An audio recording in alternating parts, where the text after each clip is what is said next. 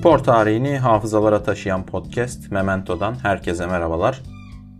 Bugün 13 Temmuz 2020 Pazartesi. Spor tarihinde bugün neler olmuş? Gelin hep birlikte bakalım.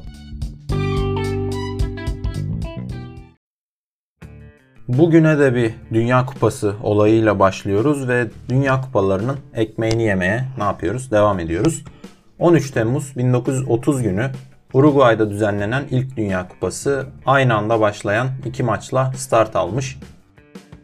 Turnuvanın içinden çok fazla değinilecek e, olaylar yok ama ilk Dünya Kupası olması nedeniyle anmadan da olmaz bu turnuvayı. Bildiğiniz gibi bu turnuva Uruguay'da düzenlendi. FIFA'nın bu turnuvayı Uruguay'a vermesinin sebebi olarak da hem 1930'un ülkenin ilk anayasasının 100. yılı oluşu hem de Uruguay'ın 1924 Paris ve 1928 Amsterdam Olimpiyatlarında altın madalya almış olması olarak gösteriliyor. Zaten bu turnuvada maçlar da sadece Montevideo şehrinde, Uruguay'ın başkentinde 3 e, farklı statta oynanıyor. O olimpiyat mentalitesi devam ediyor yani. 7 Güney, 2 Kuzey Amerikalı ve 4 de Avrupalı toplam 13 takımın katıldığı bu turnuva için bir eleme falan yapılmamış. FIFA üyesi her ülkeye davet gönderilmiş. İsteyenler katılabilmiş turnuvaya. Avrupalı takım sayısının bu kadar az olmasının sebebi birçok ülkenin yolculuğun uzun süreceğini ve masraflı olacağını bahane edip turnuvaya gelmemesi ki gayet normal bir durum. Koskoca Atlantik Okyanusu'nu aşmaları lazım bir de o dönemde. Hatta işte davet geliyor, kabul edenler gidiyor dedik ya bu kabul için verilen deadline'da hiçbir Avrupa ülkesi olumlu dönüş yapmıyor. Hatta turnuvanın başlamasına 2 ay kala Avrupalı ülke yok turnuvada hala. Ya bu iş böyle olmaz deyince herkes işte dönemin FIFA başkanı ve bu Dünya Kupası'nın da fikir babası diyebileceğimiz Jules Rime ki zaten ilk Dünya Kupaları Jules Rime kupaları olarak da bilinir. E, o bazı girişimlerde bulunuyor ve işte 4 Avrupa takımı ikna edilebiliyor. Bu 4 ülke Fransa, Belçika, Yugoslavya ve Romanya ve bu ülkelerin de hepsi aynı gemiyle gidiyor Uruguay'a. Enteresan bir olay. Bu gemi seyahati de şöyle. Romanyalılar gemiye 2 günlük bir tren yolculuğunun ardından vardıkları Genoa'da biniyorlar. Ee, sonra Fransızlarla Yugoslavlar Villefranche-sur-Mer'de gemiye atlıyor. En sonunda Belçikalıları Barcelona'da geçerken alıyorlar ve minibüs usulü ilerliyor gemi. Gemide kupa da var. FIFA başkanı Jules Rime de var. İşte 3 tane Avrupalı hakem falan var. Baya hani böyle geziye giderken minibüs falan tutulur ya sanki onun gibi gemi tutmuşlar da öyle gidiyorlarmış gibi. En sonunda Uruguay'a varmadan birkaç gün önce Rio de Janeiro'da Brezilya'yı alıyorlar. Çok tatlı bir hikaye bu, güzel bir hikaye. Bu yolculuk 15 gün sürüyor ve futbolcular da antrenmanlarını yani en azından topsuz bir şekilde yapabileceklerini güvertede yapıyorlar yol boyunca. Direkt olarak yolculukla alakalı değil ama 1930 Dünya Kupası'na gidişiyle Yugoslav milli takımının ilgili güzel bir film var. Ee, ben de öneririm. Fırsatını bulduğum her yerde de öneriyorum bu filmi.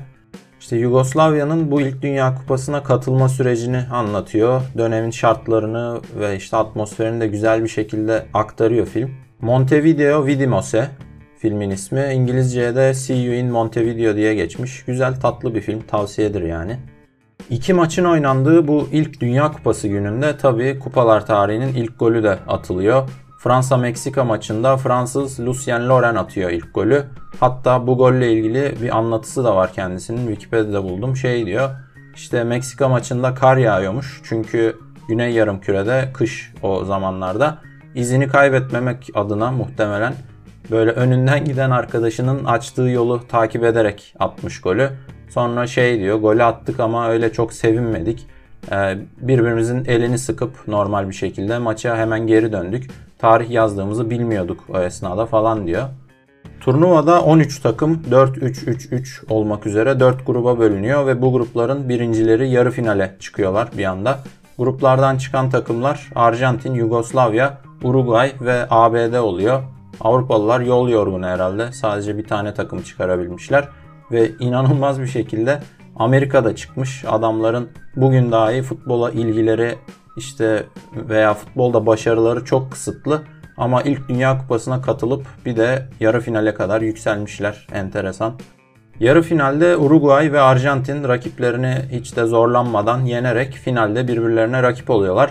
Bu aynı zamanda Uruguay'ın kazandığı 1928 olimpiyatlarının finalinin bir rövanşı. Yani anlayacağınız o dönemin hakim olan iki futbol devi bu ülkeler. Bu maç için Arjantinli taraftarlar Buenos Aires'ten botlara binip Montevideo'ya bir deniz yolculuğu yapıyorlar. 10-15 bin kişi kadar varmış bunlar. Ama çoğu Montevideo'ya geldiğinde maça yetişememiş tabii o kalabalıktan. Onun dışında Uruguaylı yetkililer baya terör saçıyor galiba bu maçtan önce. Öyle iddialar var.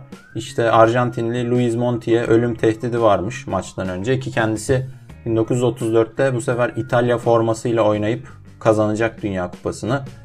Hakeme de tehditler olduğu ve hakemin maçı yönetmeyi maçtan önce 2 saat önce kabul ettiği ve işte kaçması gerekirse diye maçın ardından kendisini limanda bir teknenin beklemesi şartını koştuğu söyleniyor. Eh be futbol. 70'inde neysen 7'sinde de aynısıymışsın. Terör saçıyormuşsun. Bu finalle ilgili ilginç bir diğer anekdot da her iki takım da maçın kendi toplarıyla oynanmasını talep ediyor. Hakem de bu konuyu bir yarı bir takımın, öbür yarı diğer takımın topuyla oynatarak maçı çözüyor. İlk yarı Arjantin'in topuyla oynanıyor ve Arjantin 2-1 önde kapatıyor. İkinci yarıyı kendi topuyla oynayan Uruguay maçı çevirip 4-2 kazanıyor ve Dünya Kupası sahibi ilk ülke oluyor. Burada Uruguay'ın son golünü atan Hector Castro da ilginç bir adam. Adamın tek kolu var ve bayağı Uruguay'ın en iyi oyuncularından. Başka böyle tek kollu bir futbolcu örneği bilmiyorum ben futbol tarihinden. İlk Dünya Kupası böyle işte. Daha buradaki hikayelerden belli futbol severlere efsane bir serüven yaşatacağı.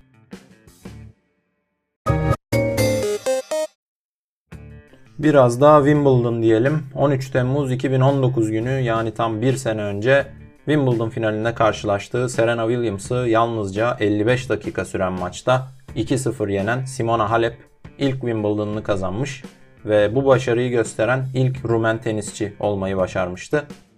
2010'lu yılların önemli kadın tenisçilerinden biri Simona Halep ve son birkaç yılda gösterdiği başarılarla da iki kere dünya bir numarasına kadar yükselmiş bir isim. 1991 yılında Köstence'de dünyaya geliyor Halep ve 2010'lu yılların başından itibaren tenis sahnesinde bilinen bir isim haline geliyor. 6 WTA şampiyonluğu kazandığı 2013 yılında WTA'in en çok gelişim gösteren oyuncu ödülünü alıyor. 2014'te ilk Grand Slam finaline Fransa açıkta çıkıyor ve Sharapova'ya kaybediyor. 2017'de yine burada finale yükselip Yelena Ostapenko'ya kaybediyor.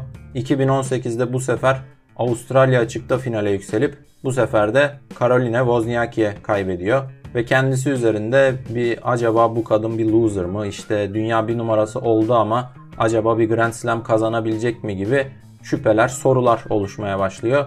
Fakat bu düşünceleri çok çabuk değiştiriyor Halep.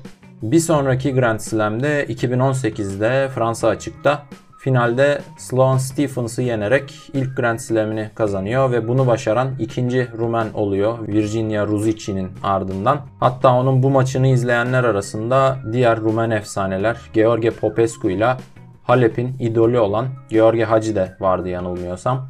İlk Grand Slam zaferinin ardından 2019'da da Wimbledon'ı kazandı Halep ve bunu başaran ilk Rumen tenisçi oldu.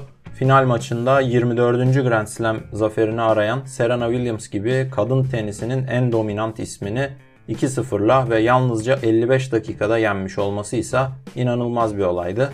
Her ne kadar işte ne var ya Romanya'nın ilk Wimbledon kazananıymış işte denilebilecek olsa da Romanya özellikle de komünist dönemde çokça iyi tenisçi ve iyi sporcular yetiştirmiş bir ülke. Simona da zaten uzun yıllardır Romanya'nın en popüler isimlerinden biri fakat özellikle de Wimbledon zaferinden sonra Rumen kamuoyunun bir süredir devam eden o başarılı sporcu açlığını bir nebze doldurmuş ve onu İngiltere dönüşü 30 bin hemşerisi karşılamıştı.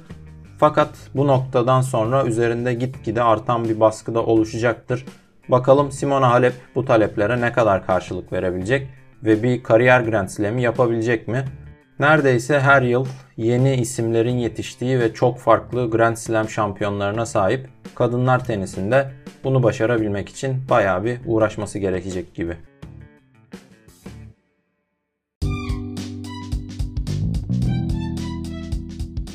13 Temmuz'un önemli olayları bu şekildeydi. Yarın 14 Temmuz'da görüşmek üzere. Hoşçakalın.